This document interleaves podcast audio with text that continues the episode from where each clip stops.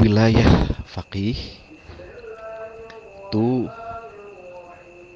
secara substansi keberadaannya menjadi bahasan di dalam teori para fuqaha terutama usulin kelompok usulin itu uh, perpanjangan tangan atau ya sebetulnya perpanjangan tangan dari uh, wilayah Nabi alaihi wassalam. Tapi dengan penurunan yang lebih berbeda sedikit.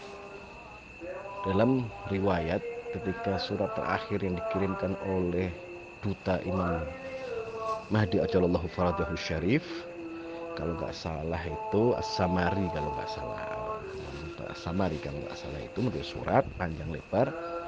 Kemudian dijawab oleh Imam surat itu dibalas oleh Imam Sahib al-Asri Zaman panjang juga dan di bagian tertentu bagian dalam salah satu bagian jawaban itu berbunyi wa amal hawadith al-waqi'ah farji'uha ila ruwati hadithina fa innahum hujjati lakum wa ana hujjatullah.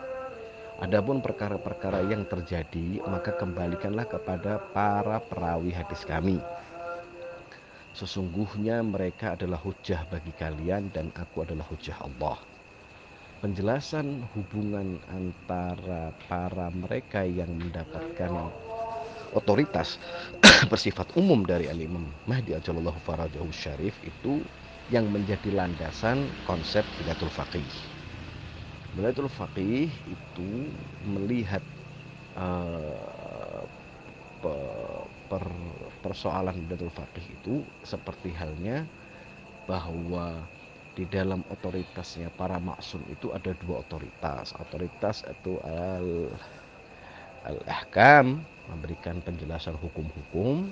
Ada tahakum tahakum itu dia menjadi hakim menjadi wali yang menyelesaikan urusan manusia. Tahakum di sini termasuk dalam urusan apa? Dalam urusan pengelolaan humus dan lain sebagainya di situ persoalannya. Nah hampir seluruh fukaha tidak ada yang persoalkan dalam persoalan al-ihkam atau al dalam menjelaskan memberikan fatwa, memberikan penjelasan itu nggak ada ikhtilaf. Di dalam tahakum pun juga tidak terjadi banyak ikhtilaf, hanya ikhtilaf itu di bagian terkecil saja dari situ yang membedakan antara pandangannya Imam Khomeini dengan para fuqaha yang lainnya.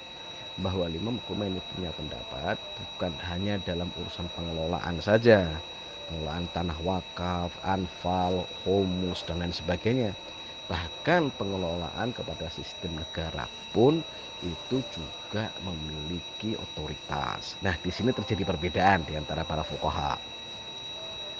Nah, jadi Latul Faqih itu kalau secara global, secara pondasinya yang umum itu jelas mendapatkan uh, legitimasi dari Imam Maksum alaihi salatu wasallam Imam Mahdi ajallahu Syarif.